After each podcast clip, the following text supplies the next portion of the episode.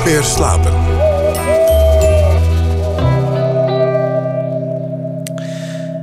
U luistert naar uh, Nooit meer slapen op Radio 1. Helen van Menen zit tegenover mij. The Years Shall Run, Like Rabbits is een uh, expositie van haar werk in het Fotomuseum in Den Haag. Morgen zal die uh, openen. Daar hangen foto's van de afgelopen 20 jaar. Zij deed de Rietveld. Ze werd geboren in 1972.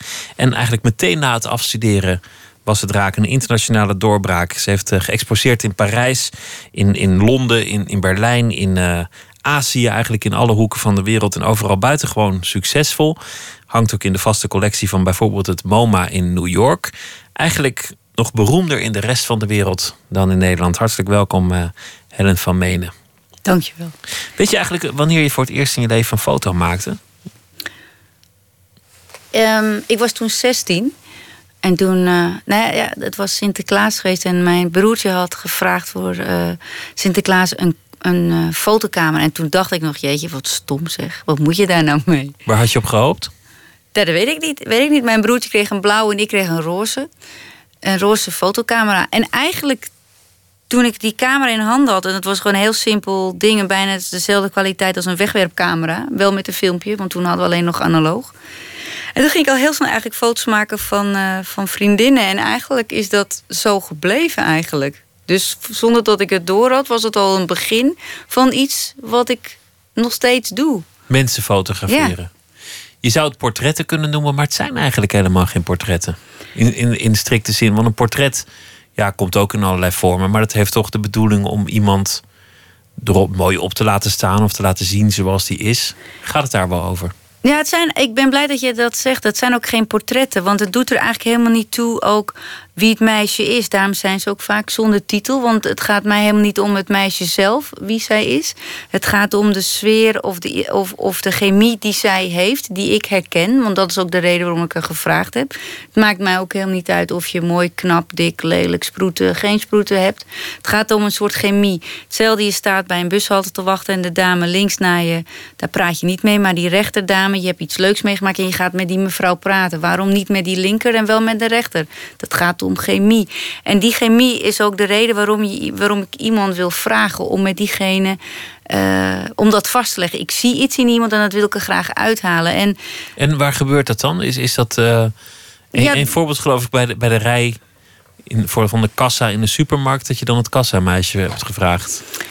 Ja, dat kan, dat kan, kan gebeuren. Als ik denk, oh, dat meisje is zo bijzonder, dan, dan gaat mijn hart sneller kloppen. En dan, dan, dan, dan dan, dan moet dat gebeuren. En dan maak je natuurlijk een afspraak met achter de kassa. Dan krijg je documentaire foto's en dat doe ik niet. Maar dat is. En dan doet het dus ook eigenlijk helemaal niet toe waar het meisje wel of niet ook werkt. Het gaat om iets wat zij heeft, wat ik heel bijzonder vind.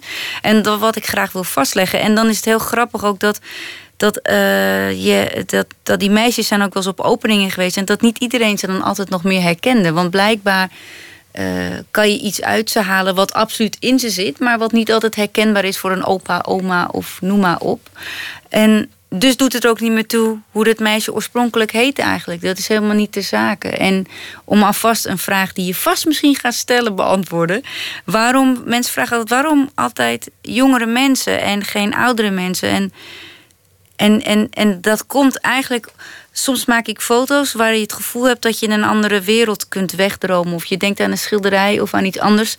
En op het moment dat je een jonger iemand voor de, voor de camera hebt, dan is het zo onbeschreven. Dus je kunt het nog helemaal inkleuren naar mijn eigen idee. Het moet nog iets worden. Het is nog een bakvis. Het, het, uh, het heeft nog geen identiteit. Juist. En, en, en door mijn invulling maak ik mijn, mijn kleur daaraan. op het moment dat je een ouder iemand op de foto zet, dan heeft diegene al zijn leven mee. Dat zit al in het gezicht. En dat kan al de foto zo bepalen waar ik minder toegang heb om het nog meer open te gooien. En dat is een voordeel van mensen die eh, zo jong zijn. Alles is nog open. Een jong meisje die ik op de, op de foto heb gezet...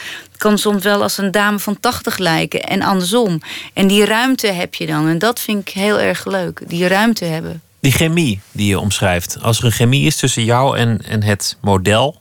het uh, tot jou zojuist vanaf de kassa gebombardeerd tot model zijnde model. Wat, wat is die chemie? Ja, dat maakt mijn hart eigenlijk sneller lopen en rennen en, en verliefd worden op dat moment. Het is een raar gevoel. Verliefd worden op, op een gezicht, op een trekje of, ja, op een beeld? Dat, het is letterlijk een soort van uh, adrenaline die door mijn lijf heen raast.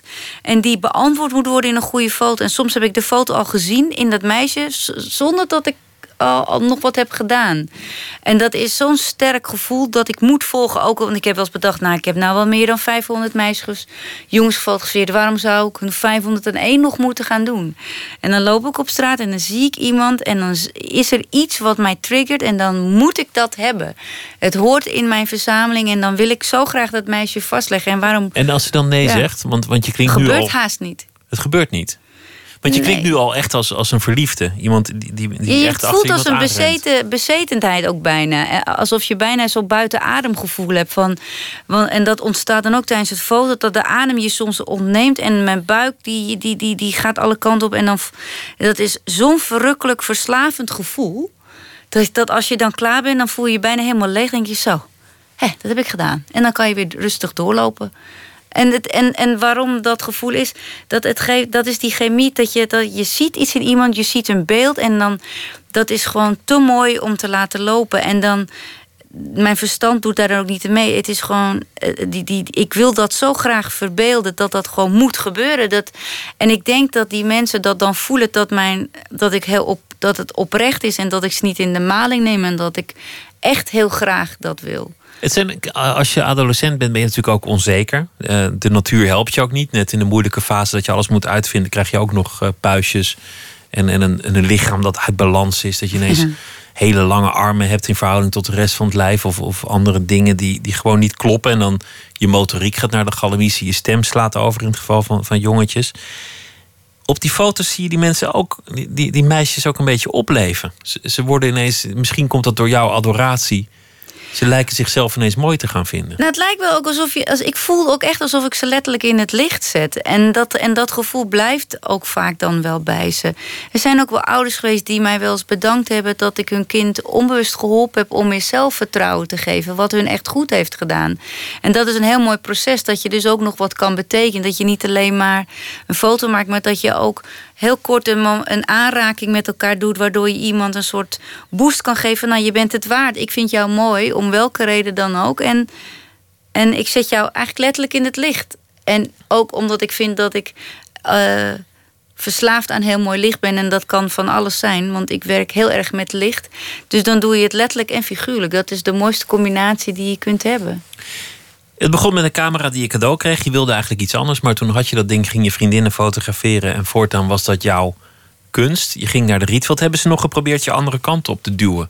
Hebben ze je nog geprobeerd te laten schilderen, vormgeven? Hebben ze je nog van de portretfotografie afgeprobeerd te halen? Nou, dat. De lichting waar ik toen in zat, was, was, wel, was wel heel erg uh, portret. Ik zat toevallig in, dat, in die tijd ook net op de juiste plek, lijkt wel. Het was een hele sterke portretafdeling op dat moment dat ik er ook was.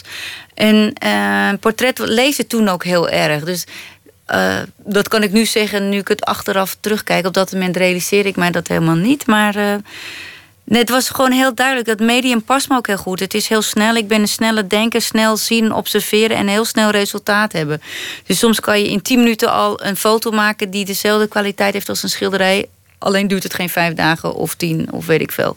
Dat snelle, dat werken, dat vind ik heerlijk. Dus ik heb ook nooit het gevoel gehad... oké, ik maakte vroeger ook wel een grapje als ik... ja, ik heb nu zoveel, maar ik ga nu keramieken. Maar het is een beetje flauw. Ik ben dol op keramiek, want mijn eerste kunstwerk ooit gekocht is van keramiek. Dus wat praat ik over? Maar dat is een grapje. Ik heb eigenlijk altijd fotografie... Uh, uh, omarmd. En, en ik denk ook niet dat, ze, dat, dat, dat mensen dat hadden kunnen veranderen eigenlijk zo eigenwijs was ik wel om gewoon eigenlijk mijn ding te volgen. En ik ben nog steeds eigenlijk wel zo, niet zo... Jou, je zei ik speel met licht. Een, een aantal keer bij, bij jouw expositie kijk ik naar jouw werk en denk ik... het is bijna Memling, de 16e eeuwse Vlaamse kunstenaar. Of, of uh, misschien is het ook wel Velasquez, weet je wel? Van die, van die mooie doeken waar het licht en, en, en de achtergrond, de kamer... Of, of een landschap een rol speelt. Heel schilderachtig. Ja, dat, ik, ik, ik denk dat het komt dat ik denk als een. Uh, uh, als, je, als je. Ik werk niet in een studio. Dus dan ben je afhankelijk van het, van het licht. Dus als de zon schijnt of als het bewolkt is, wat voor foto kun je dan maken? En fotografie is voor mij eigenlijk alleen maar kijken. En de camera doet op een gegeven moment iets wat jij wil, maar observeren en door, en door naar licht kijken. En dat is iets wat ik heel erg geleerd om, om gewoon goed te, te kijken. En je weet je vraagt niet meer. Nou, de vraag is of je, of je eigenlijk niet probeert te schilderen met een camera.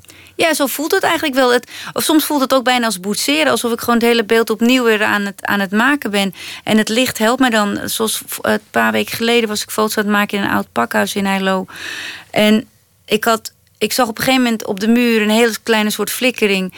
En net daarvoor was daar daardoor heel mooi licht. En ik had precies 10 minuten. En in die 10 minuten kon ik een heel mooi foto maken... die nu lijkt op een soort renaissancebeeld. Maar dan heb ik maar 10 minuten de tijd. En, en dat soort dingen geven zo'n ongelofelijke kick... dat je dat ziet en dat het die kwaliteit oplevert... door gewoon te kijken en te voelen. En licht, ik ben altijd bezig met kijken, kijken. Het is eigenlijk alleen maar kijken bijna hè, kijk, kijken, niet kopen. Nee, een beetje lullig ook weer. Maar het, zo voelt het. Ik kijk alleen maar kijken, een beeld, een chemie. En dan, dan als, het, als dat gevoel in je buik, die verliefdheid, als dat op zijn, op zijn maximale is, dan. Ja, dat ontstaat. Dat was toen ook. Nou, dan, dan ben ik zo gelukkig dat dat, dat, dan, dat is ongelooflijk. Dat gaat van je, van je kruin tot je tenen. Dat je dat gevoel van. Of, nou, dan, dan, dan wil je even op de bank liggen, maar even nadenken: wat heb ik net gemaakt? Dat is zo ongelooflijk mooi gevoel. Dat is echt heerlijk. En is heel verslavend. En je werkt ook um, met ouderwetse, analoge fototoestellen. Gewoon met een rolletje erin. Ja, met films, ja. Maar het grote verschil is met zo'n digitale camera... dan schiet je als een mitrailleur, want je hebt toch oneindig veel foto's. Dan kijk je eventjes, van is het mooi geworden? Is dit het al? Doe je het nog een keer, gooi je wat weg. Jij moet eerst naar je doka en dan zie je langzaam in die doka dat beeld opdoen... en weet je pas of het echt zo mooi was heel groot verschil. Ja, ja nou, maar dat is ook wel, wel heel goed juist. Want doordat ik het... Ik zie het wel door de camera. En ik heb nu wel genoeg verstand van... van, uh, van en het licht en dingen dat ik weet of het gelukt is. Ook al maak ik soms de ontwikkelaar helemaal gek door te zeggen...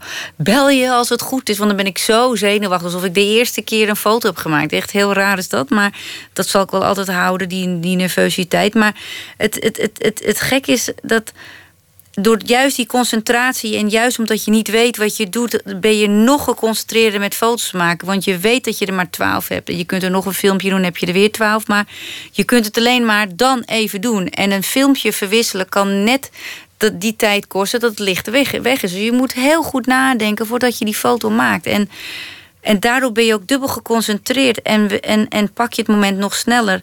En dan beleef je eigenlijk weer opnieuw met het in de doka gaan, het beeld opnieuw. Dus voor de tweede keer verwen je jezelf. En dan weer die verliefdheid. Ja, die, dat digitale haalt net als van je bent in verwachting. Oh, wat is het? En dan trek je, dan zeg je jongen of meisje, hè, want iets anders kan het niet zijn. En dan, dan, dan, dan, dan is die chemie ook weg. Is eigenlijk ook zo leuk van, hè, je weet dat je beste vriendin aan het bevallen is. En dan ben je allemaal benieuwd, wat is het nou, hè, na negen maanden wachten. En dan zeg je, nou, dat is, dat is fantastisch.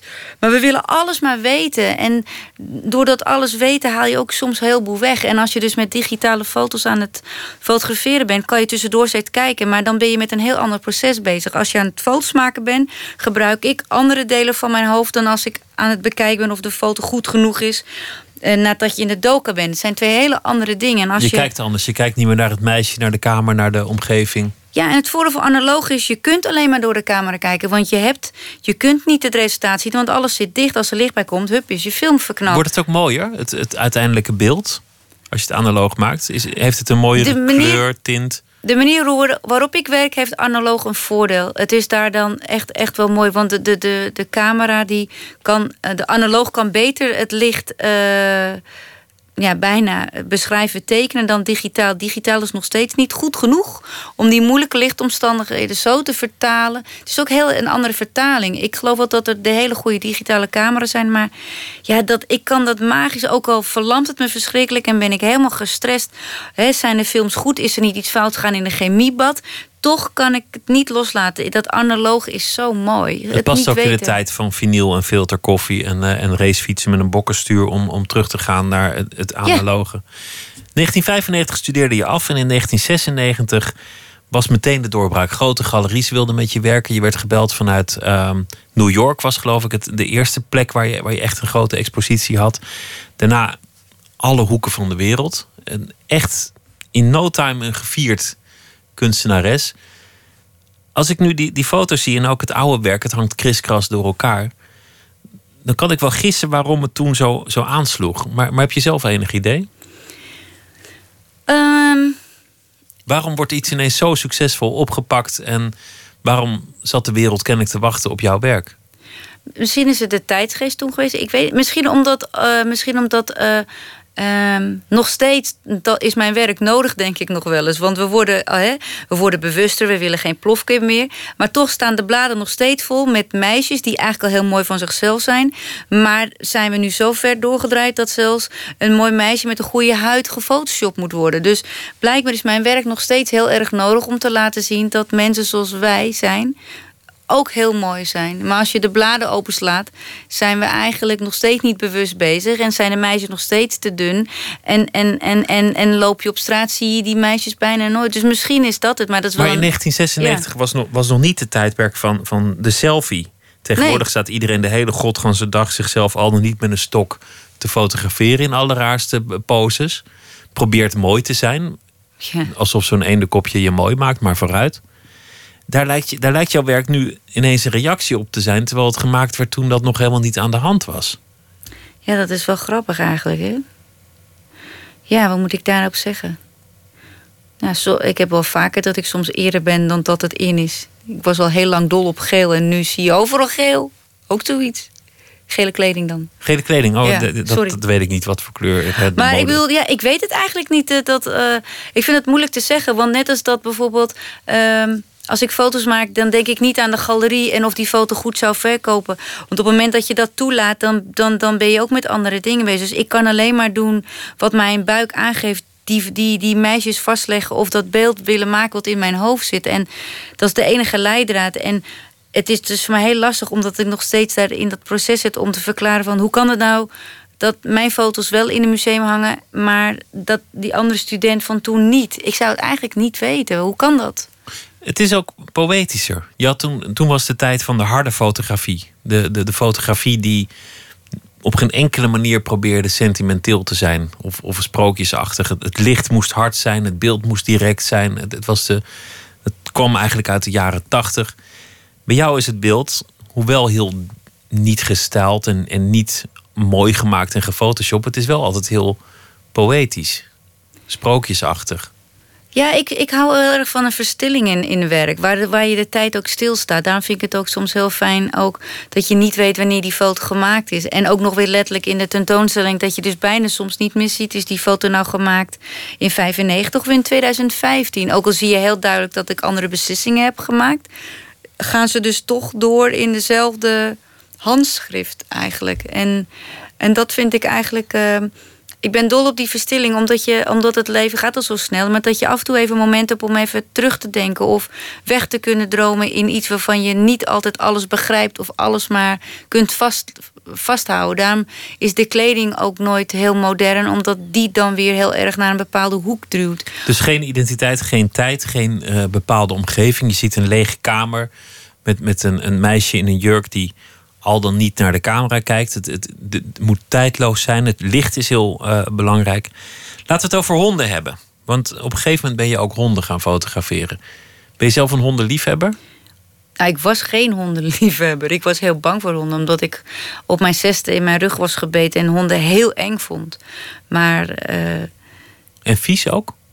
ja, ze, ze stinken ook wel als je ze aait, toch? Honden. Ja, vaak, Vind- vaak ja, wel. Ja, ons En, honden zijn ook een beetje de slijmballen van het dierenrijk. Ja, maar ik heb nou ook geleerd dat het komt dat de honden vaak verkeerde voeding krijgen. En daardoor ruiken ze zo door hun huid. Dus dat, dat heb ik. eh, dat, wat- dat is de oorzaak vaak dat ze zo stinken. Maar ja, ik had niets met honden. Maar een, een, een, ehm, een lieve vriendin van mij, die, ehm, die had haar zolder opgeruimd. En die kwam op een gegeven moment met een eh, oude foto van een hond. En die hond is gefotografeerd in een studio in de jaren twintig. Vroeger hadden we dus geen selfies, digitale camera's, iPads en andere gekke dingen waar je foto's mee kan maken. Je ging één keer per jaar in je mooiste kleding naar de fotograaf. En je ging met je mooiste zondaggezicht op de foto, met z'n allen. En wat ik dus bijzonder vond, dat die mensen blijkbaar hun hond als gezin zagen. Dus ook de hond ging naar die dure fotograaf. En, en toen ik die foto's zag, het leek alsof een mens mij aankeek. En toen in ene kreeg ik... Het, was, het voelde echt uh, struck by lightning gevoel. Ik ga honden doen. Mijn gezin was in de war. Iedereen in mijn omgeving dacht honden. Wij konden soms zo erg zijn dat we zelfs geen vrienden hadden met honden. Omdat we niet zo van honden hielden. Dat is natuurlijk een beetje onzin. Maar gingen de vrienden er ook uit met de komst van de hond? Nou ja, wijze van spreken, ja. Maar, nee, maar het is heel, heel, heel gek dat, dat, dat, dat, dat ik nooit aan honden had gedacht. Maar toen ik die foto zag, moest ik... Ik honden doen. Galerie in paniek. Want ja, Helen gaat geen foto's van meisjes meer maken. Wat moeten we nu? Nou, helemaal niks. Ik ga honden doen. Punt. Uit. Klaar. En ik vond het fantastisch. Want ik ontdekte heel snel dat, dat, uh, dat honden soms heel echt... ook dat karakter van een mens kunnen hebben. Heel kort voorbeeld... Um, uh, sorry voor sommige luisteraars, maar uh, de Labrador en de Golden Retriever zijn niet vaak mijn favorieten als model, als hond te zijn. Omdat ik ze altijd vergelijk met Sandra Bullock. Sandra Bullock is een prachtige actrice, de mooie buurvrouw next door. Maar ze speelt vaak in films waar je een prettig gevoel bij krijgt. Maar het is vaak geen filmhuisfilm waar je nog dagen over zit na te denken. En soms vind ik dat de, de Labrador de Sandra Bullock onder de honden is. Omdat hij ook vriendelijk... Een hond. Ja, en ik zoek een hond waar net, die net even wat anders is. Even wat afwijkender is. Eh, misschien net even te zwaar of een te oude kop of iets. En, en natuurlijk zal iemand zeggen, ja, maar mijn Labrador heeft dat ook. Maar toch hebben ze een wat soort algemene lieve eh, print in hun kop. En, en ik ben dol op die deerhounds of op boxers met een... Eh, want witte boxers zijn ook niet geliefd bij fokkers. Want op een of andere manier worden die niet graag verkocht. Dus ik zoek net de honden ook op dus eigenlijk ook met, met de mensen, ik zoek mensen op waarvan wij niet zien dat ze eigenlijk heel mooi zijn. Zolang je ze maar in het licht zet. En dat heb ik ook met die honden gedaan. Ik vond het fantastisch. Ik wist niet dat, dat ik daar zo enthousiast van uh, kon worden. En ook dat die honden ook zo goed luisteren. Er waren mensen die zeiden van... je lijkt soms wel een hondenfluister. Dat ik dacht, nou, ik begrijp het ook niet. Ze luisteren zo goed. En, en, en het leek ook... Het Zijn honden dan ook ijdel? Dat ze ook denken, er wordt naar me gekeken... en er is iemand heel erg met mijn uiterlijk bezig. Absoluut. Ze konden dan wel niet hun kop zo schuin houden... Eh, omdat ik dat dan vroeg, omdat ze niet zoals een mens... maar echt, ze waren ook back af vaak als ik klaar met ze was. De eigenaar zei van, nou, ze hebben de hele dag geslapen. Ze konden niet meer na een half uur werken met mij. Het was, het was echt een uitputtingsslag... maar ik vond het echt een fantastische ervaring. Want dat heeft mij geleerd om te zien... al na al die jaren uh, modellen fotograferen merkte ik dat ik dus ook mijn handschrift kon vasthouden in honden. Iets wat ik nooit had gedacht. Want het blijft herkenbaar en de honden en de, de meisjes hangen door elkaar. Inmiddels ben je ook gaan experimenteren met meer sprookjes. Uh, de prinses op de ert, heel veel matrassen op elkaar. Ja. Dan, dan, wordt het echt een sprookjesomgeving. Je bent naar Istanbul geweest, waar ook omstanders erbij staan. De ruimte is niet meer leeg de omstanders spelen mee? Ja, want die foto, dat weet ik. Ik, ik, heb, wel, ik heb natuurlijk wel in mijn eerdere werk wel vaker een meisje op die manier zo gefotografeerd. En dan realiseer je bij jezelf, ja, dat weet ik. Ik moet wat anders doen. En toen had ik bedacht, het lijkt me fantastisch Oh, en is het met, met, met, met al die mannen wil doen. Om hun in het beeld te betrekken. Om te kijken of het me lukt om het feerieke van zo'n meisje. Waardoor je denkt aan Ophelia of uh, uh, de dame uit de zee. Of noem maar op om dan toch met die mannen dat nog steeds vast te houden. Dat vond ik een ontzettende uitdaging. En ik ben blij dat het me gelukt is. Maar ik vond het heel. Je merkt dat je op een gegeven moment, net als een kind die eerst dingen niet lust en later wel, zo voelt het in mijn foto's ook. Je moet ontwikkelen en groeien. Dan kan je natuurlijk je rode draad vasthouden en je onderwerp uh, bij je blijven. Maar daarin moet je wel steeds proberen van, maar hoe kan ik het ook anders doen? Jezelf steeds uitdagen. Je bent heel succesvol in, in andere landen, maar in Nederland is het eigenlijk um, minder. Je bent, bent minder beroemd in Nederland dan in, in andere landen. Minder gevierd hier lijkt het op de een of andere manier. Heb je dat gevoel zelf ook? Um... Nu, nu heb je dan een grote tentoonstelling, maar je had hem, je had hem bijvoorbeeld tien jaar geleden al in Parijs, in het uh, Musée de la Photographie uh, Européenne daar bijvoorbeeld. En, en in, in MoMA dat was nog eerder. Dus het is eigenlijk gek dat het, dat het hier zo laat gebeurt. Ja, dat is heel grappig. Ja, ik, ik, ik weet niet waar, waar, het door komt. Misschien omdat we dat, dat Nederland ook een kleine land is en dat we altijd sneller geneigd zijn om naar buiten te kijken. En dat ze daardoor vergeten dat er eigenlijk op hun eigen kleine landje ook kunstenaars heel goed hier bezig zijn. Maar dat ze, dat ze daar niet naar kijken. En, want ik weet zeker dat de curatoren wel wisten dat ik bestond. Maar ja, dat, dat, dat daar niet misschien per se wat mee gedaan werd. Ik, ik weet niet zo goed waar, waar dat, uh, waarom, waarom dat is. Ik, uh, het is. Het is uh, en terwijl, terwijl het grappig ook is dat de fotografie vooral bij vrouwen heel sterk ontwikkeld is. Waar wij, waarvan ik weet dat er heel veel goede vrouwelijke fotografen zijn die in het buitenland heel goed gaan. Maar dat Nederland daar dan ja, niet zoveel aandacht voor had. Ik weet eigenlijk niet waarom. Het klinkt altijd heel snel zuur natuurlijk. Om te zeggen van ja, Nederland ziet mij niet staan. Maar ja, dan dacht ik, nou ja, de vijver is veel groter buiten Nederland. Nou, dan liever een grote vijver dan, dan in een klein pierenbadje in de tuin. Ja, daar heb je ook gelijk in. Het uh, Tank Magazine, daar heb je uh, ook nog voor gewerkt. Dat is uh, het, het, nummer van dit najaar. Volgens mij is die al uit of gaat die verschijnen? Hij komt over een week. Ik hoop dat hij eigenlijk nu al op mijn mat ligt, begin september. En dat zijn ook bijzondere foto's. Je hebt daar een, een vrije opdracht bedongen in, in dat. Uh, Altijd. In dat blad. Gewoon gezegd: ik, ik wil doen wat ik wil. En uh, het wordt mooi. Geef me maar carte blanche. Ja, dat, ik, ik mocht nu deze keer met. Uh, ik kreeg Gucci kleding, zijn nieuwe ontwerper van Gucci. Die is net een half jaar geleden begonnen. En nou, ik werd geweldig. Helen, wil je dat doen? En nou, dus het leuke is dat er was ook geen stylist bij, want ik ben eigenlijk zelf stylist. Ik weet precies hoe ik met kleding moet werken. Ik heb eigenlijk niemand nodig die mij daarin helpt. Want dat kan ik zelf ook heel goed in natuurlijk. Dus die ervaring heb ik met mijn eigen foto's maken. Dus we kregen de kleding van Gucci opgestuurd. En, uh, en Jackie en Mofana, twee supervriendinnen, hebben mij ook geholpen. Want samen zijn we dan een goed team om de modellen eten te geven. De, ik maak wel de foto's, maar zij zei: geef me op tijd net dat filmpje aan. Ze zijn allebei niet uh, opgeleid tot fotograaf. Jackie heeft wel ervaring als, als styling en Mofana trouwens ook. Maar uh, gewoon met z'n drieën zijn we dan een super team. En we krijgen die Gucci in, in, in, in, uh, in die tassen. En zoek het maar uit. Dus een hoop vertrouwen. En dan knallen. En dat is fantastisch. Echt super tof. Want we hebben daardoor. Ze waren ook laaiend enthousiast ook vanuit Tank. En uh, ik sta ook op de cover. En ik, ik kan ook niet wachten om het resultaat in het blad te zien. Maar het was echt zo leuk om samen te werken. En ook gewoon je eigen ding doen. Maar ik kan alleen maar mijn eigen ding doen. Als je mij zegt dat ik mijn handen op mijn rug moet doen en moet luisteren. Nou, als kind van vier kon ik dat al heel slecht. En nu ik bijna 43 ben, kan ik het nog slechter. Ja, het wordt alleen maar moeilijker gehoorzamen met de jaren. Vanaf morgen in het uh, Fotomuseum in Den Haag, naast het gemeentemuseum. De foto's van Helen van Menen. The Years Shall Run Like Rabbits is de titel van die uh, expositie. Heel veel plezier, heel veel uh, succes ook met de expositie. En dank je wel dat je even op bezoek wilde komen. Dank je wel. Zometeen gaan we verder met Nooit meer slapen. Twitter, het VPRO NMS of via de mail nooit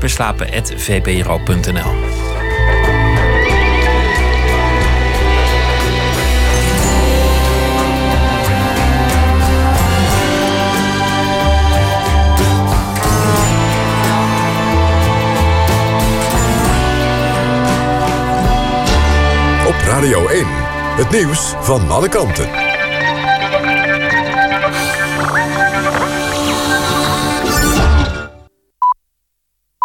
Het is één uur, die ook het eerst met het NOS-journaal. Er is een verband tussen de dode man die donderdag werd gevonden op de A73... en de liquidatie van een Belgische topcrimineel eerder die dag. Wat het verband precies is, wil de Belgische justitie niet zeggen. Ook de identiteit van de dode man is niet bekendgemaakt. De Belgische crimineel was Silvio Aquino... een van de hoofdverdachten in een groot drugsproces dat binnenkort zou beginnen... Hij werd gisteren doodgeschoten in Op Glabbeek... zo'n 50 kilometer van de plek waar de dode man werd gevonden. De politie spreekt van meerdere nog onbekende daders. Dit weekende mag er niet worden gedemonstreerd in de Duitse stad Heidenau. Vorige week raakte de politie slaags met rechtsextremisten... die tegen de komst van vluchtelingen protesteerden. De lokale autoriteiten willen met het verbod nieuwe rellen voorkomen. SNS Bank gaat verder als een zelfstandige bank, los van de holding SNS Reaal. De staat neemt de aandelen van de bank over voor 2,7 miljard euro. SNS Reaal, inclusief SNS Bank, werd in 2013 genationaliseerd. Op termijn wil de staat de genationaliseerde bank weer terugbrengen naar de markt. Daarover neemt het kabinet mogelijk volgend jaar een beslissing. De Nederlandse hockeyvrouwen spelen de EK-finale zondag tegen Engeland. Het gastland was in de halve finale in Londen met 2-1 te sterk voor Spanje. Eerder op de avond won Oranje al met 1-0 van titelverdediger Duitsland. De finale is zondag om 5 uur middags Nederlandse tijd. NEC heeft het uitduel met Willem II met 1-0 gewonnen... en heeft daarmee zijn tweede zege in vier duels te pakken. Navarone voor maakte ook dit keer het enige doelpunt. Het weer, het is vannacht droog met hier en daar een mistbank. Het koelt af tot een graad of 12. De komende dag is het vrij zonnig en dan kan het 26 graden worden. Later op de avond en in de nacht trekken er een paar stevige buien over. Tot zover het NOS-journaal. Dan is er nog verkeersinformatie van de ANWB op de A1. Apeldoorn richting Hengelo. Tussen Badmen en de afrit Lochem staat 2 kilometer. Dit was de verkeersinformatie. NPO Radio 1. VPRO. Meer slapen.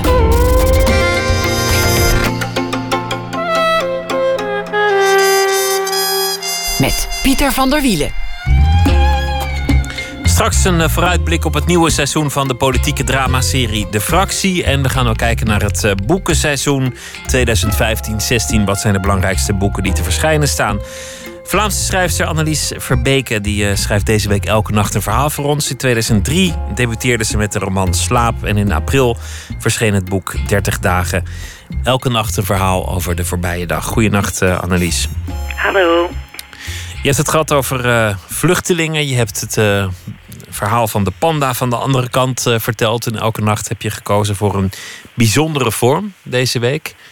Ik ben benieuwd waar je mee afsluit. Wat, wat is vandaag het uh, verhaal geworden? Ja, het is een uh, autobiografisch geïnspireerd verhaaltje. Heel kort eigenlijk, uh, van, vannacht. Ja.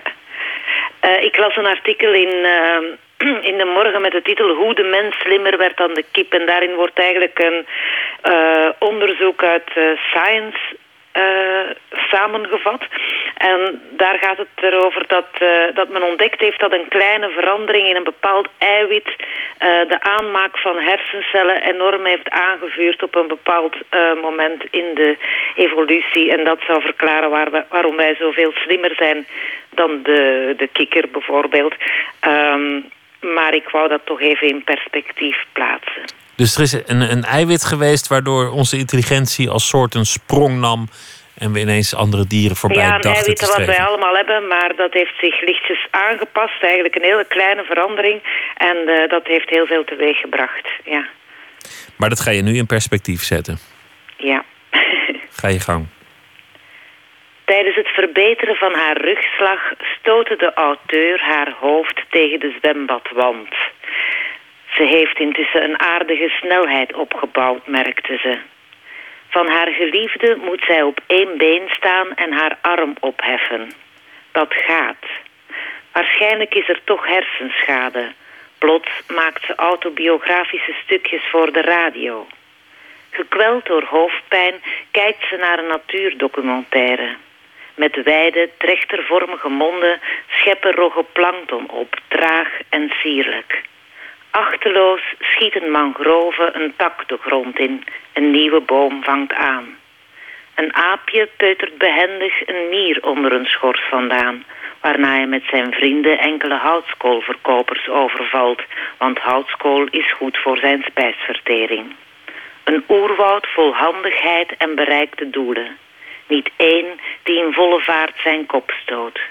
De mens als toppunt van intelligentie, de auteur doet daar vannacht geen uitspraken over. De mens als toppunt van intelligentie, de auteur doet daar vannacht geen uitspraak over. Weet je het zeker? Want ik ben eigenlijk wel benieuwd. Is, is de mens daadwerkelijk zoveel intelligenter dan andere dieren? Ja, ik denk dat wij wel inderdaad intelligenter zijn uh, als je in een bepaalde manier beschouwt. Ik bedoel, wij kunnen lezen, schrijven en zo verder. Maar um, ja, anderzijds vind ik soms dat als je zo'n natuurdocumentaire bekijkt... dan denk je toch van... wauw, iedereen weet zo heel goed wat hij moet doen de hele tijd. Nou, dat is ook zo. Als mens, ja, Wij hebben de definitie van intelligentie zelf bedacht... maar er waren ook die verhalen dat, dat bij de grote tsunami... de dieren al lang er vandoor waren gegaan. Dat die, dat die al gingen Mhm. rennen voordat de mens iets door had. Ja, ja, ja. Ze hebben toch wel uh, ja, instinctief van die dingen die wij helemaal kwijt zijn, uh, blijkbaar. Hè? Ja. Ook een vorm van intelligentie, zou je kunnen beweren met een beetje fantasie. Ja, het is maar hoe je het noemt, hè. Ja. Ach ja. Zeg, dankjewel voor uh, de afgelopen week. Voor elke nacht ja. een, uh, een, mooi verhaal. En Was heel veel succes. Succes met wat je gaat doen verder. Met je volgende boek vermoedelijk. Mm -hmm. Oké, okay, bedankt. Goeienacht nog. Goeienacht, Annelies uh, Verbeke. Dankjewel. Dag. We gaan luisteren naar uh, Buddy Guy, een uh, legende uit de geschiedenis van de blues. Hij is nog in leven, hij speelt nog, hij heeft zelfs een nieuw album uit. En het titelnummer daarvan is Born to Play Guitar. I was born in Louisiana. And at the age of two, my mama told my papa, our little boy has got the blues. I grew up real fast, and I've traveled very far.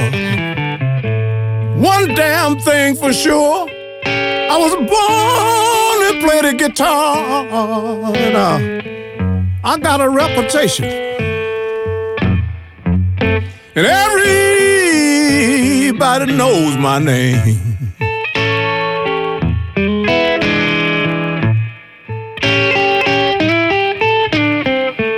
I was born to play the guitar. People, I got blues running through my veins.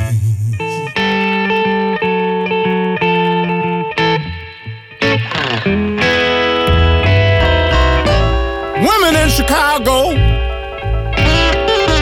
they love me to the bone. But my love for my guitar keep me far away from home. I got a reputation. Oh, everybody knows my name.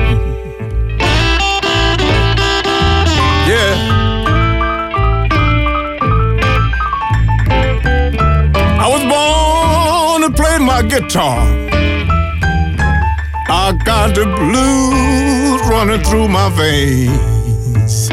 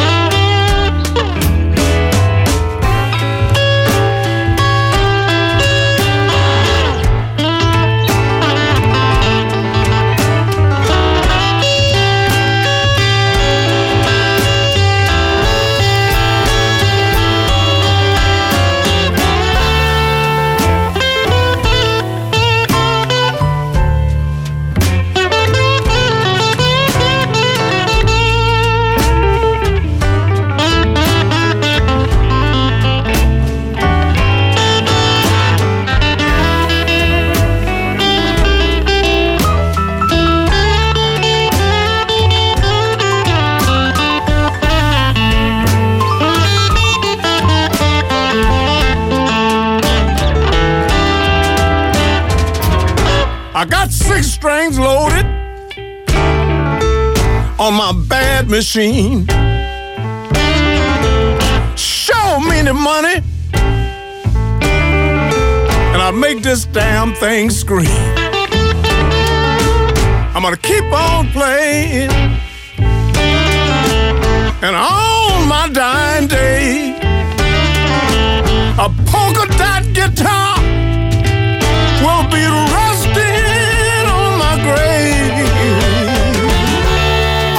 This young reputation, and everybody knows my name. But a guy that is.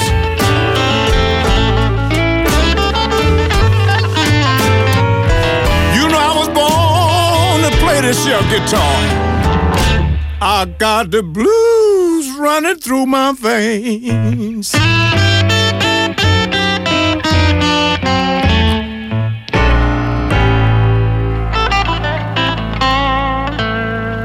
Buddy Guy, Born to Play Guitar van zijn uh, nieuwe album met dezelfde titel. Nooit meer slapen. Anderhalf miljoen Syriërs zijn sinds het begin van de oorlog in hun vaderland naar Libanon gevlucht. Fotograaf Marieke van der Velde en partner Philip Brink tekenen nu voor het project Outside Syria, dat hen naar Libanon ook in Griekenland bracht, waar ze net deze week van terugkeerden. Verslaggever Anton de Goede sprak met beiden over de vraag wat fotografie kan bijdragen aan de oplossing van het Europese vluchtelingenvraagstuk.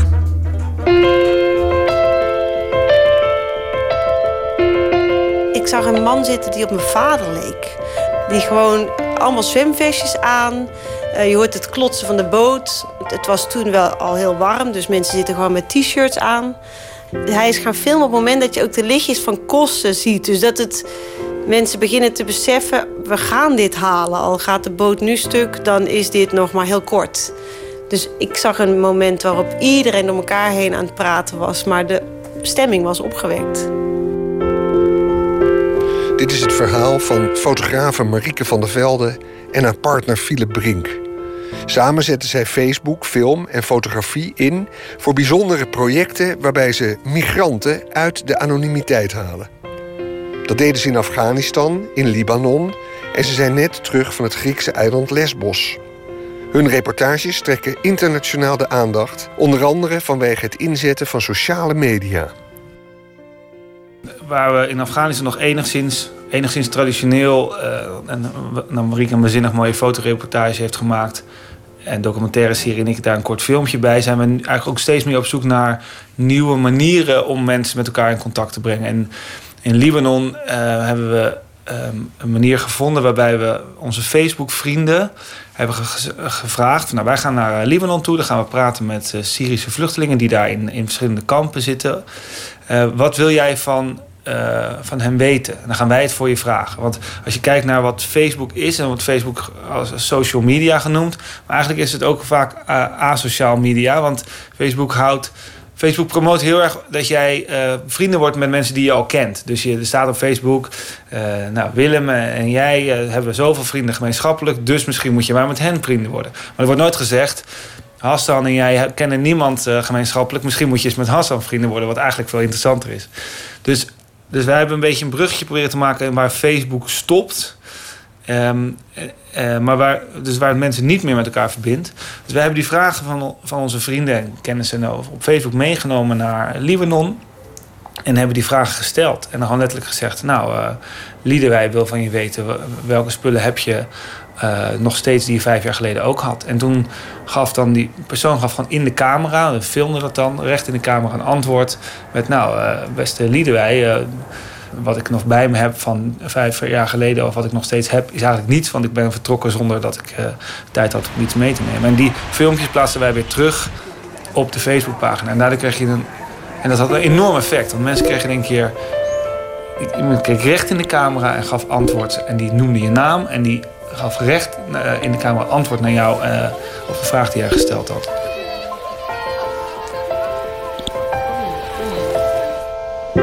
مرحبا ليل أنا إيمان كنو هاي سيدني أنا راما سليمان من سوريا الحسكة مرحبا جاكلين أنا مصطفى المحمد We hadden ook vragen die gewoon alle spanning en even helemaal niet over de oorlog gingen.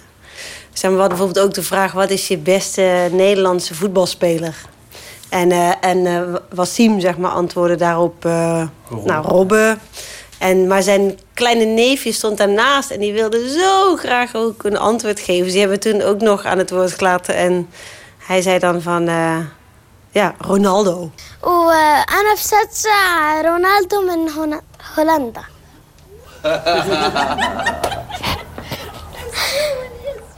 Kijk, ik kan dingen niet berekenen. Ik ben ook geen politicus, zeg maar. Maar in feite ben ik best wel geïnteresseerd in het debat over.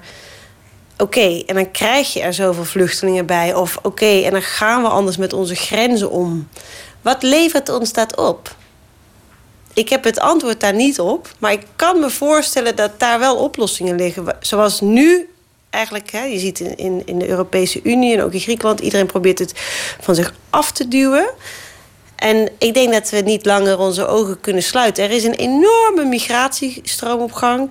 Die gaat ook niet stoppen, nog niet al zet je hekken in de zee. Dan komen mensen over de hekken van de zee. Dat doen ze niet omdat ze het leuk vinden, maar omdat alle mensen die we hebben gesproken zeggen van wij, wij hebben veiligheid nodig. En zolang in, dus in het, een gebied als het Midden-Oosten het zo rommelt, krijg je dit. Maar als je ook terugkijkt in de hele tijdlijn van de historie, altijd zijn migratiestromen geweest. We leven bepaald niet in een hele bijzondere tijd. Het is gewoon iets wat altijd al zo is. En bijvoorbeeld als ik kijk, Philip heeft van heel, heel oudsher Frans bloed. Ik heb van heel, heel oudsher Duits bloed. Dan heb je het over generaties terug.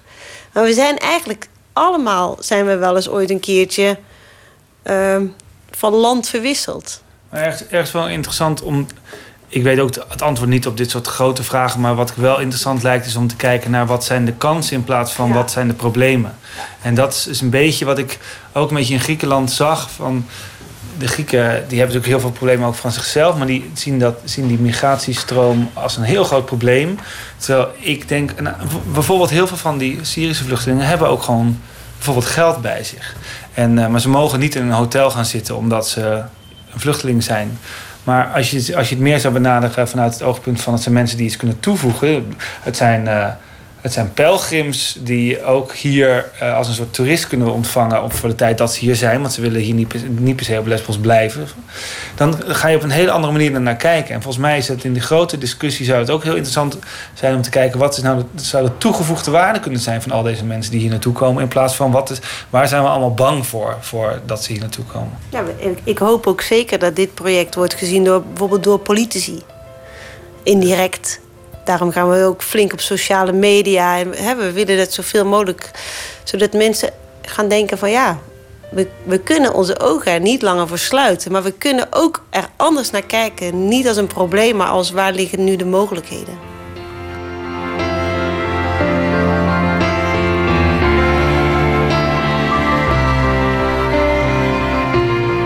Wat we in Griekenland gedaan hebben is, uh, we zijn naar het eiland Lesbos gegaan. Dat is op het moment de plek waar het meeste vluchtelingen per boot overkomen. Want vanaf Lesbos kun je Turkije zien liggen. Dat is echt met een, ook zo'n rubberbootje waar ze met z'n allen in zitten.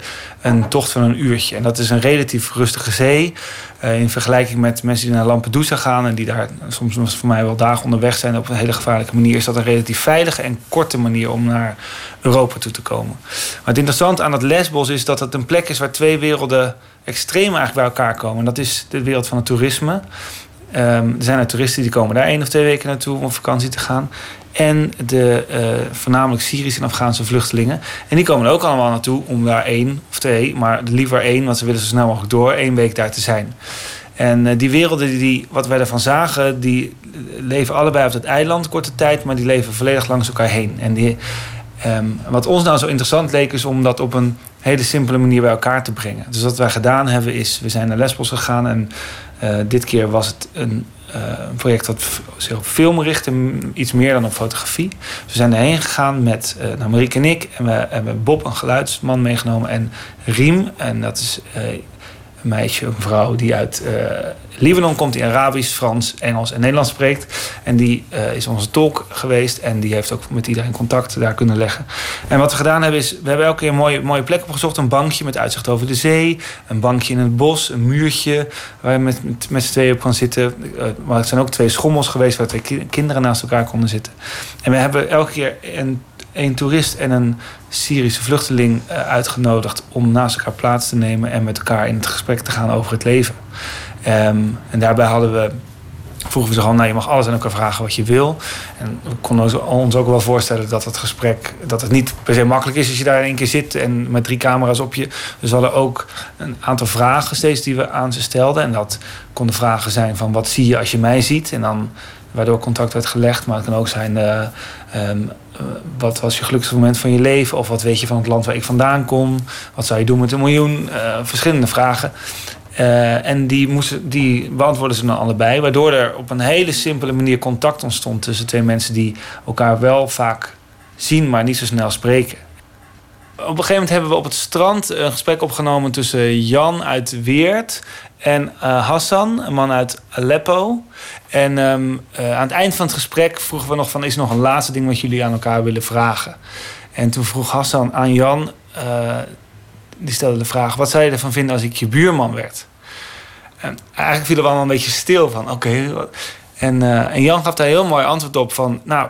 Dat zou ik helemaal prima vinden. eh, maar wel met een soort toevoeging van... eh, mits je gewoon eh, goed meedoet met, met onze wereld en onze maatschappij. Het lijkt me hartstikke, gezellig.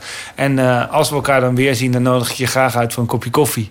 Waarop Hassan antwoordde dat hij toch liever een drankje had dan een kopje koffie. En dat was ook weer een soort verrassing voor, voor, van Jan. Oh, mag je dan ook drank drinken? Oh, hoe werkt dat dan eigenlijk precies? En toen, nou, toen pakten ze elkaar helemaal vast en kropen ze helemaal tegen elkaar aan en werd er hard gelachen of zo. Dat was een heel, ja, heel mooi moment wat daar gebeurde. Ik heb ook de, de tolk heeft twintig keer gehaald in deze, in deze week. Ik het tien keer, jullie twee keer. Maar het was echt heel. Eh, de emoties liepen soms echt hoog op. Maar nooit vanuit boosheid of agressie of zo. Maar altijd vanuit, jeetje, wat was dit bijzonder en mooi. Ook vanuit de toeristen. Er zijn wat tranen gevloeid. Dat werkt nooit. En ik, ik, ja, ik wens je een hele mooie ehm, leven en eh, veilige leven. Laban Udo er toch? Voor jou en jouw familie. Nou, daar wens ik jou ook. En mocht je zoiets in de buurt komen, dan kun je altijd eh, bij ons een eh, expresso of een kopje koffie komen vatten, zoals ze in Brabant zeggen. Drie heb je ah, ah, Als je wil, als je wil, wij kunnen ook een drankje doen. Hoeft niet geen koffie. لا على هيك بدي رقم تليفون مشان أحكي معه بلا تعلمت. فور ذات دان دان اكرالي ياو آه، ياو تليفون نمبر آه، سكرايفر أوكي. Een bijdrage van Anton de Goede over Marieke van der Velde en Philip Brink. Een aantal van de besproken foto's en filmpjes zullen te zien zijn via de website mariekevandervelden.com. Het project Outside Syria zal binnenkort ook eh, aandacht krijgen in eh, bijvoorbeeld de Volkskrant. CNR bestaat uit Benjamin, Benjamin en haar man Daniel. De ene is Grieks, de ander eh, Duits. Ze hebben een nieuwe plaat, Evropi, en het nummer heet Should I Care.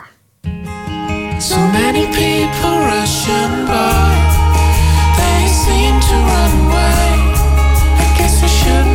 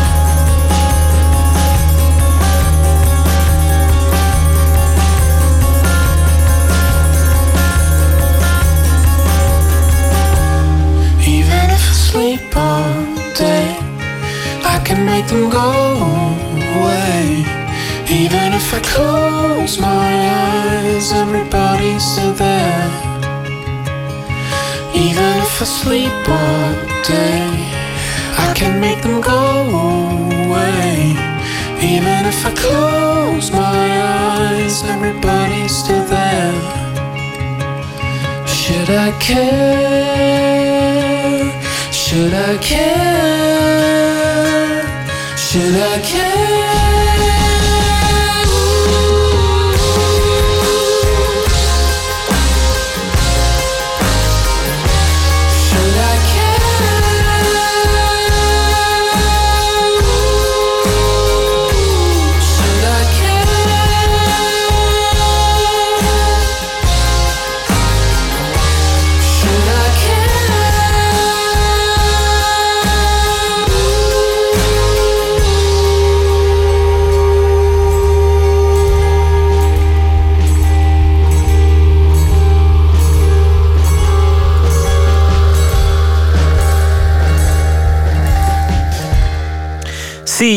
Air was dat met het nummer Should I Care. Nooit meer slapen. Op vrijdag bellen we altijd eh, voor cultureel advies met een van eh, VPRO's smaakmakers. Katja de Bruin is boekenredacteur van de VPRO. Gids, goeienacht Katja. Dag Pieter. Manuscripta vindt volgende week eh, plaats. En dat is eh, de opening van het boekenseizoen. En eh, dat is meteen een eh, goed excuus voor een vooruitblik op dat boekenseizoen. Wat zijn eh, de boeken waar om te doen is momenteel?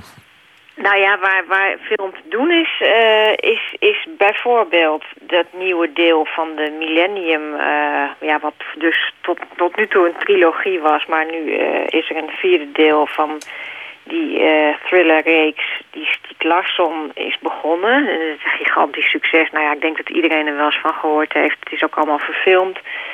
En Stieg Larsson is, eh, is al lang dood, al, al ruim tien jaar geloof ik inmiddels.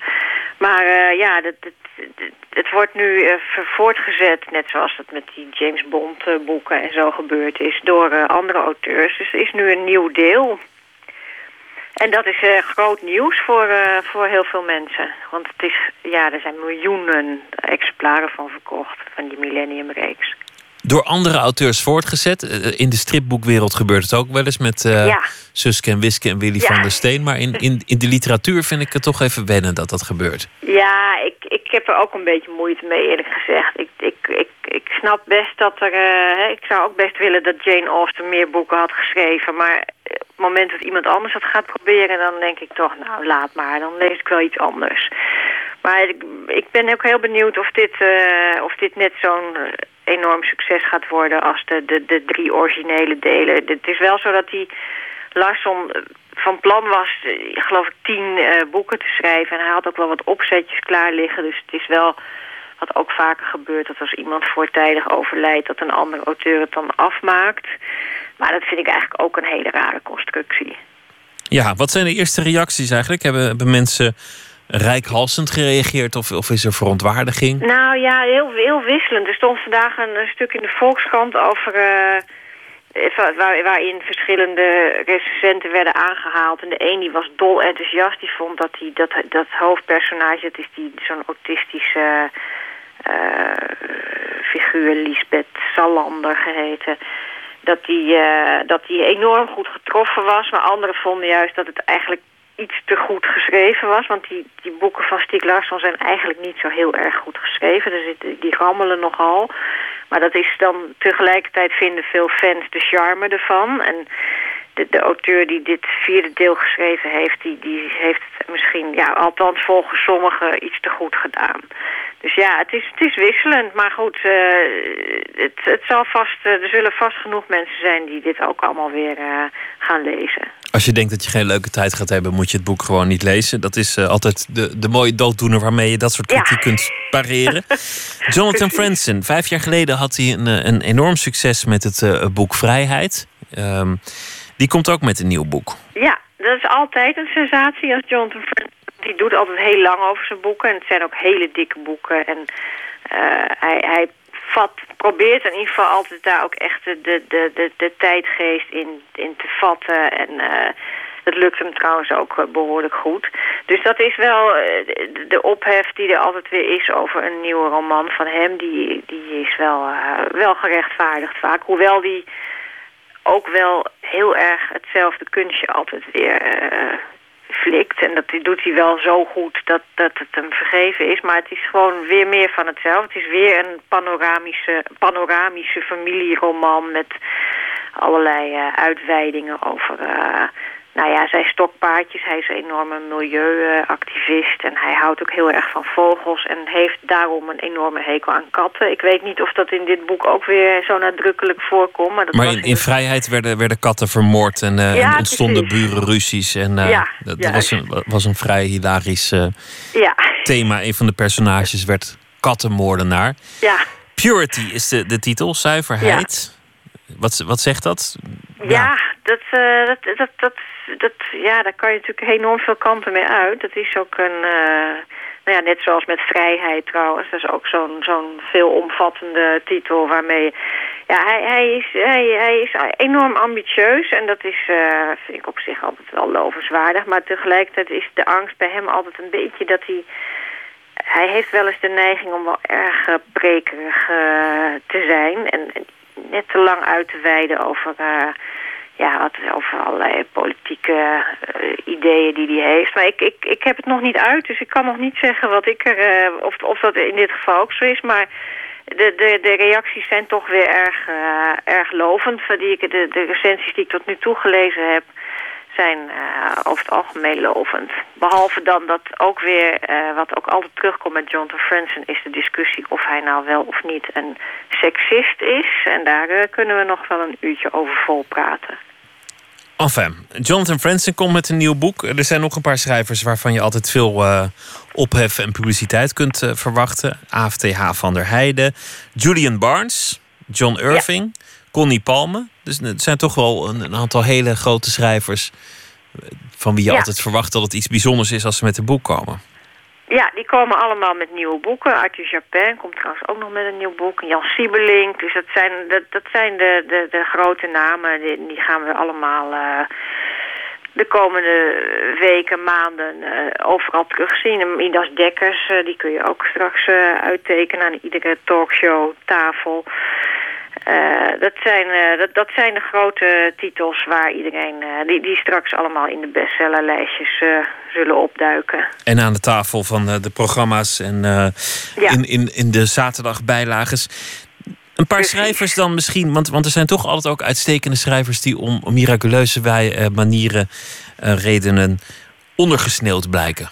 Ja, de meeste eigenlijk. Het zijn altijd maar een paar die, eh, die, die de tafeltjes eh, bezetten en de rest die eh, heeft pech. En de, en de rest, dat zijn er heel veel. En dat zijn, dat zijn vaak hele goede schrijvers, maar die om de een of andere reden niet mediageniek genoeg zijn. Of net niet de juiste snaar weten te raken. Noem eens Eh, wat. Noem eens nou, dingen waarvan je zijn, iets eh, verwacht. Ja, meestal eh, noem ik in deze, in deze rubriek vooral buitenlandse schrijvers. Maar ik, ik, ik beperk me nu even tot Nederlandstalige schrijvers. Want ik zou bijvoorbeeld heel erg fijn vinden als mensen eens een boek van Paul Baten Gronda zouden lezen. Dat is een jonge, nou zo jong is hij inmiddels al niet meer, Vlaming.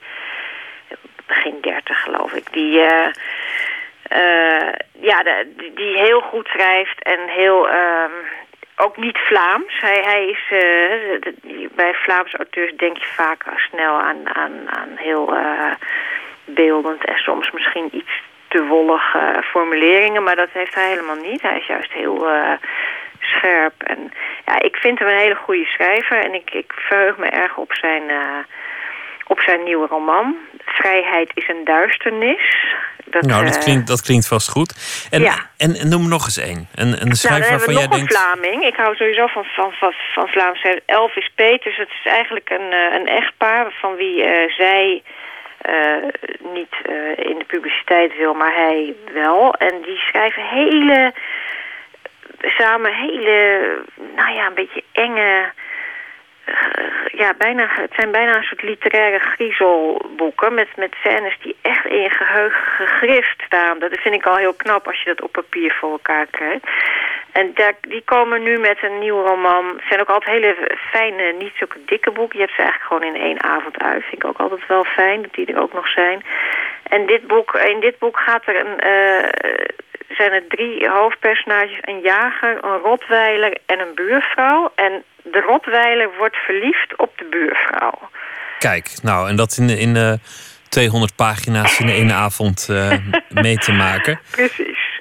Nou, ehm, je wilde ook nog noemen Tesha Lusa, een, een Surinaamse Een schrijfster. Surinaamse Daar zijn er niet zo heel veel eh, van, eh, Surinaamse schrijvers, helaas. Eh, en zij is iemand die hele mooie, twee hele mooie romans heeft geschreven... die, die alweer vrij lang geleden zijn verschenen. En nu komt ze met een boek over haar grootmoeder...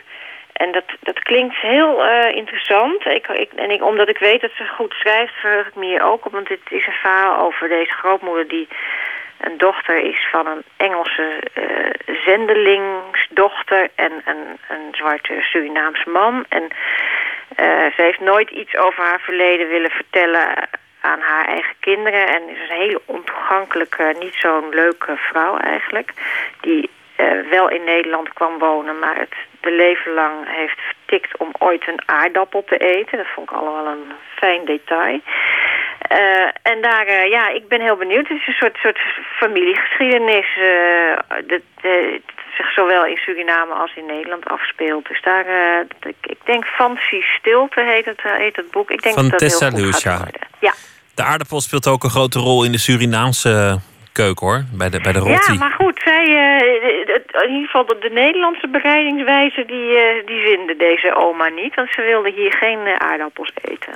Katja, dankjewel. En alle adviezen zijn terug te lezen op de website vpro.nl slash boeken. Katja de Bruin, dankjewel. Goeienacht. Dag. De Amerikaanse singer-songwriter Gillian Welch schrijft doorgaans de tekst en muziek samen met partner Dave Rawlings. Geldt niet voor het uh, volgende nummer. One Monkey is een uh, cover van Stick McGee and His Buddies. One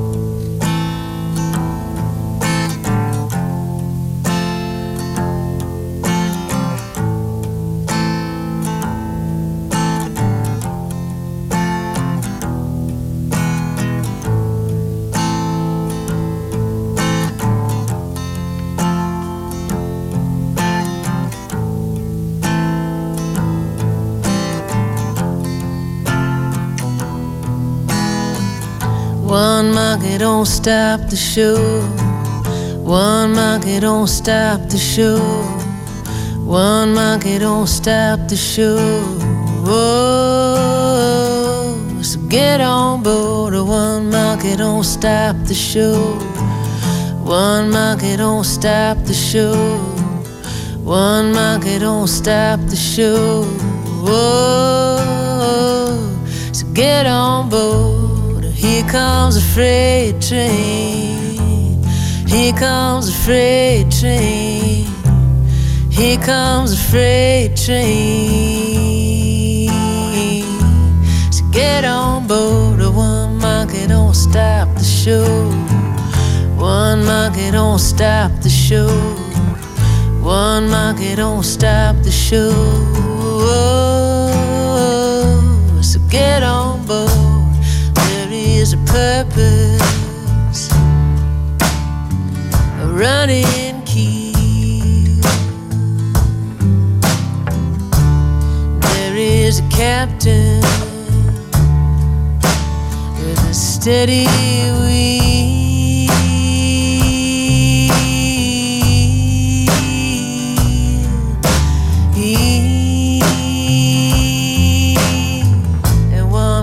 don't stop the show.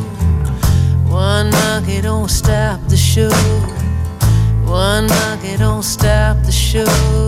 Whoa, whoa. So get on board. One monkey don't stop the show. One monkey don't stop the show. One monkey don't stop the show. Whoa, so get on board. Here comes slow train Here comes slow train the slow trains.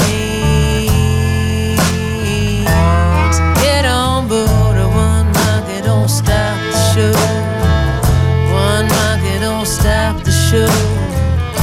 One don't stop the show.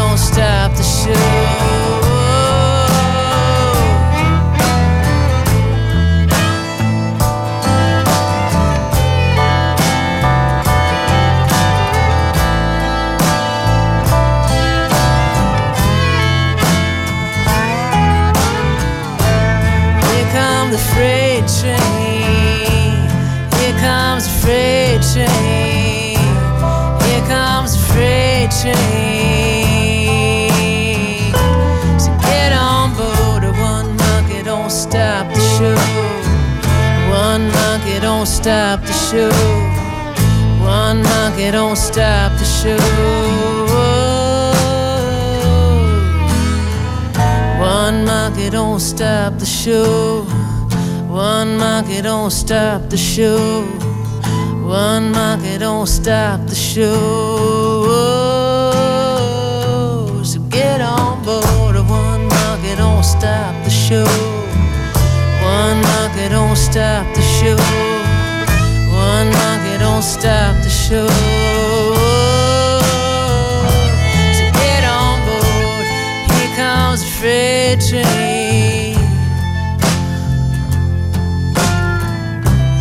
Here comes the freight train.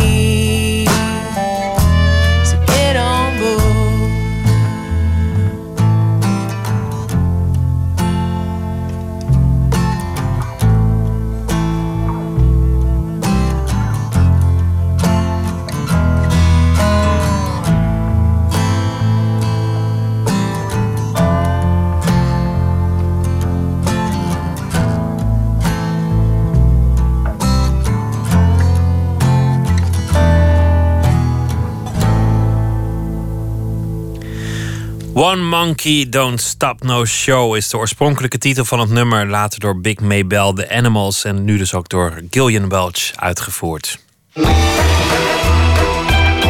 Nooit meer slapen. Maandag begint het tweede seizoen van de politieke dramaserie De Fractie op de Nederlandse tv. De serie is bijzonder omdat werkelijkheid en fictie door elkaar heen lopen. Vorig seizoen traden bijvoorbeeld echte politici en politiek verslaggevers op in eh, de serie. Zou dat in het nieuwe seizoen ook zo zijn? Wat te verwachten vraagt verslaggever Botte Jellema aan Thomas Kortas Altes, die een van de drie regisseurs is, en acteurs Joris Smit en Tijn Dokter. Minister, minister, minister, was u meteen welkom bij de VPN?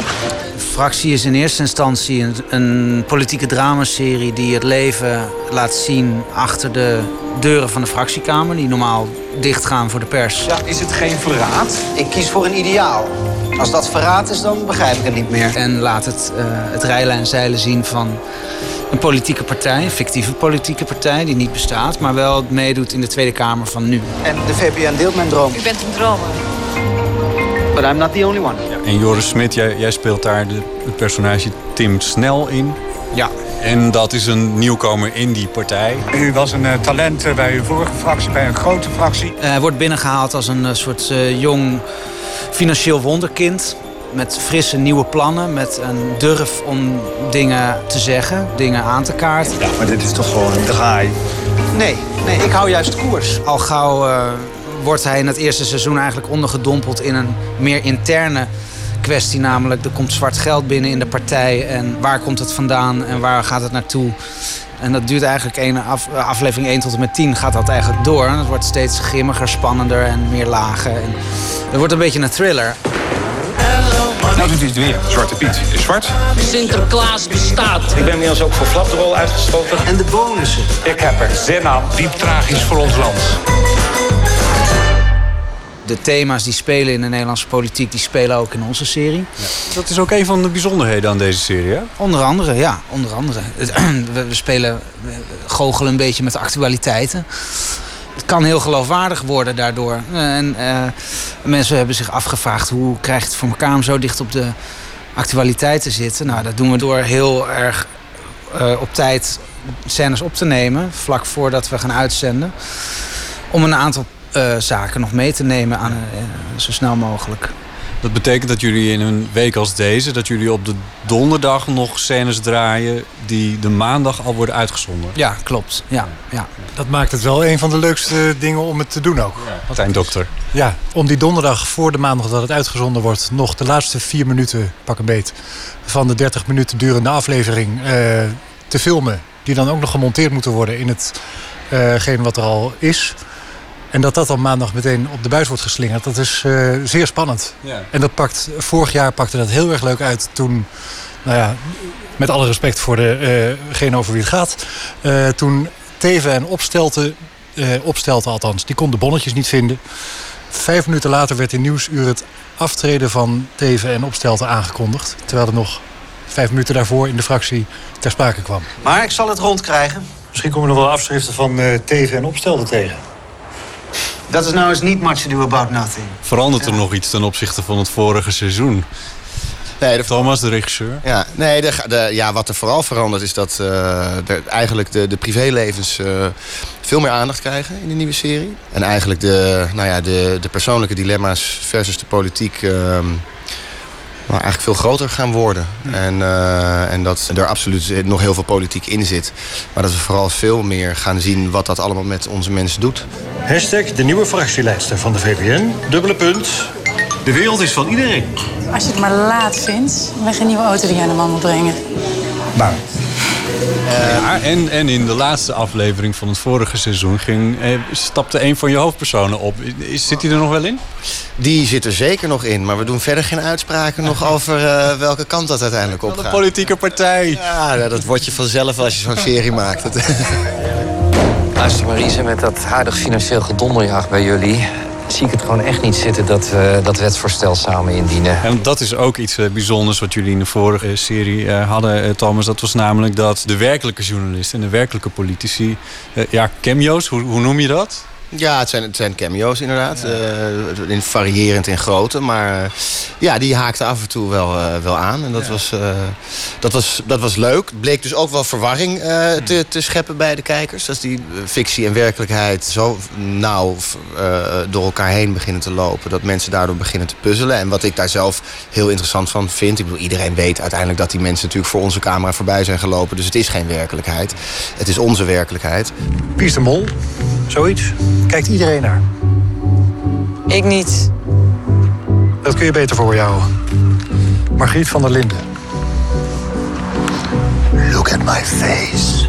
Wat, wat daaraan ten grondslag lag aan het hele idee was ook het- dat het eh, ontwikkeld is door Femke Halsema, een oud-politica, en eh, Gijs van der Westerlaak, oud-journalist.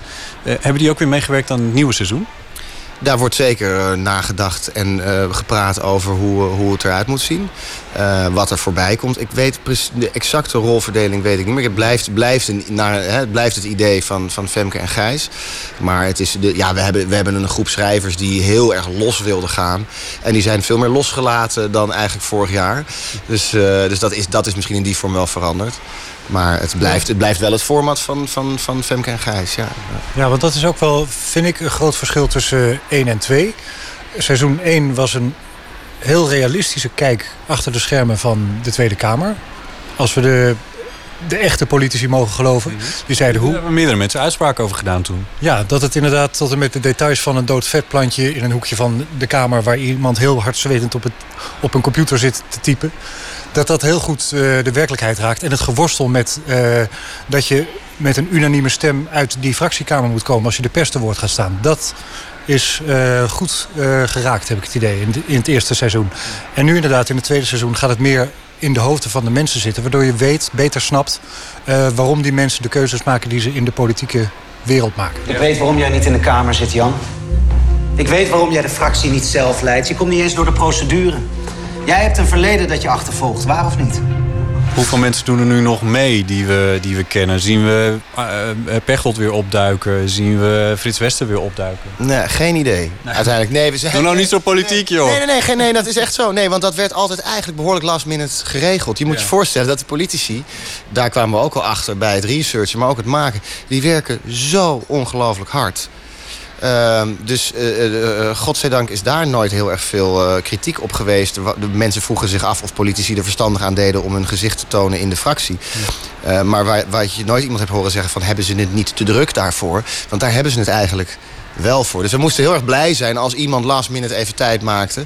Dus ik kan, het, ik kan het niet beantwoorden omdat ik het gewoon nog niet weet. We gaan morgen in Den Haag draaien en we hebben een paar lijntjes openstaan. En geen idee welk lijntje daarvan ook nog, morgen nog open is. Ja. Jij zit er zo verschrikkelijk naast, hè, jongen? Oh, dus het was iets anders. Iets ergers.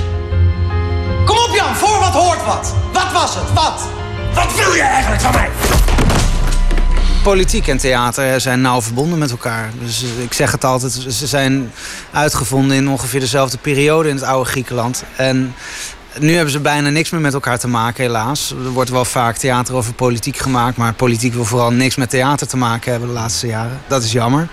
Maar wij, wij maken drama over politiek en dat is heel interessant, omdat eh, politici ook acteurs moeten zijn op, op bepaalde momenten. Eh, voor een camera op het juiste moment eh, hun zegje moeten doen op de juiste toon, zodat het overkomt. Er wordt zo makkelijk cynisch en bot gedaan over de mensen die in Den Haag werken. En het Juist is zo, zo, zo gemakkelijk om, eh, om ze onderuit te halen als, eh, weet ik veel, ja, als, als graaiers en nou ja, noem maar op. Ik nodig altijd iedereen uit om zelf eens met eigen ogen te gaan kijken hoe het eraan toe gaat. En om te kijken hoe, eh, hoe, hoe politici er alles aan doen om het volk te vertegenwoordigen. Want dat is wat ze willen. En dat is prachtig om te zien. Dat is een, ja, dat vind ik heel mooi. Tijn, wat zei je? Eh, nou ja, op Twitter inderdaad. Daar zijn ze nogal streng. In ieder geval eh, kort door de bocht. Er werd op een gegeven moment getwitterd dat Pechtold een slecht acteur zou zijn. Dan denk ik, dat kan dus niet. Want anders zou hij niet zo ver zijn gekomen in de politiek. Ja, maar een slecht acteur in de serie. Ik bedoel, hij- hoe, hij- hoe hij wegliep. Louis, Maar het is hard, maar het is ook niet anders. Snap ik. Oké, sterkte. Ja, dankjewel. Dat is zo grappig, want dat wordt heel snel als nep getypeerd. Maar dat is het helemaal niet. Ik eh, eh, als ik hier bij een radio-interview zit, zit ik ook na te denken over hoe zorg ik ervoor dat mijn boodschap goed overkomt. Dus ik formuleer misschien wel anders dan als wij over een half uur eh, hier met bieren en alles gewoon aan de bar hangen en het er nog over gaan hebben. Dus natuurlijk hou je daar rekening mee. En dat is inderdaad, dat is, je denkt na over de vorm waarin je je boodschap verkondigt. En, en, en dat is dan inderdaad, een, ja, laten we dat maar inderdaad een vorm van theater noemen. En dat is daar natuurlijk aan de orde van de dag. Cynthia, spoedvergadering nu. Doe ik. Ik hou het heel erg kort. En er gaat nog wel een alarmbelletje bij me rinkelen. Want de term House of Cards is nog niet gevallen. Dat moet natuurlijk even gebeuren. nee, nee, die proberen we angstvallig te vermijden. Nee, eigenlijk, nee, de vergelijking tussen House of Cards en de fractie ligt voor de hand. Ik bedoel, er zijn grote verschillen, bijvoorbeeld het budget. Maar het is eigenlijk leuker om eh, de fractie te vergelijken met de Nederlandse realiteit. En dat je al die politieke punten met op de achtergrond de groene Hollandse weiden en de molentjes eh, voorbij hoort komen. Om die reden is het interessant, omdat het heel dicht aan eh, de realiteit grenst. Acteurs Joris Smit en Tijn Dokter samen met een van de regisseurs Thomas Cortes Haltes. En ze spraken over het tweede seizoen van de serie De Fractie. Vanaf maandag te zien op NPO 2. Thomas Lieske is eh, schrijver en dichter. Afgelopen week heeft hij elke nacht een eh, gedicht uitgekozen en voorgedragen. En eh, nou ja, nu heeft hij een gedicht van zichzelf gekozen. Het gedicht heeft als titel Haar nijlpaard optillen.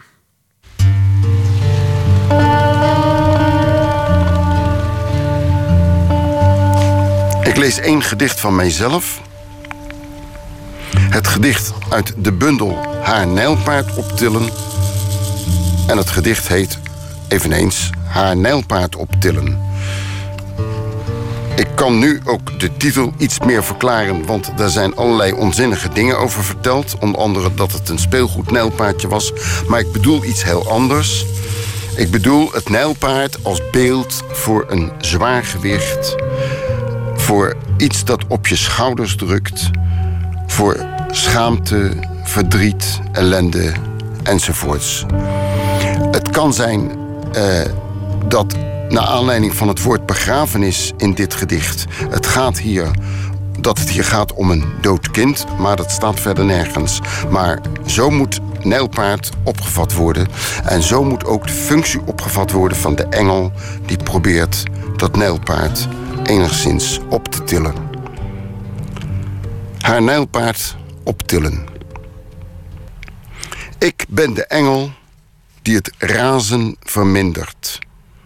De orkaan doet afbuigen. Jarenlang heeft een glazen stad om haar heen gestaan. In één nacht is al het glas versplinterd. De scherven uit haar zwarte haren strijken, haar wil om te leven bewaren. Na de begrafenis alles opbergen, haar handen die zich aan het speelgoed klemmen, weer bevrijden en in beweging brengen. Haar dorstlessen na alleen bedorven water. De dode vogels op afstand houden. De gebarsten wegen met sintels bestrooien. Als de zon ondergaat, een warm dek. Een tent om in te wonen en te bidden. Een vuur tegen het buikkruipend ongedierte. Een vertelling om de gedachten te ordenen. Haar ogen sluiten. Haar ritme opspannen. Haar ledematen op de harde grond kantelen. Haar nijlpaard optillen. Thomas Lieske las eh, zijn eigen gedicht Haar Nelpaard optillen. Dit was Nooit meer slapen voor deze nacht. Eh, zometeen eh, de VPRO op deze zender met het programma Woord met Maarten Westerveen. Ik wens u een hele goede nacht en ik hoop dat u maandag weer zult luisteren na middernacht. Dan is het eigenlijk dinsdag, maar daar doen we niet moeilijk over. Ik wens u een prettig weekend, een goede nacht en graag tot dan.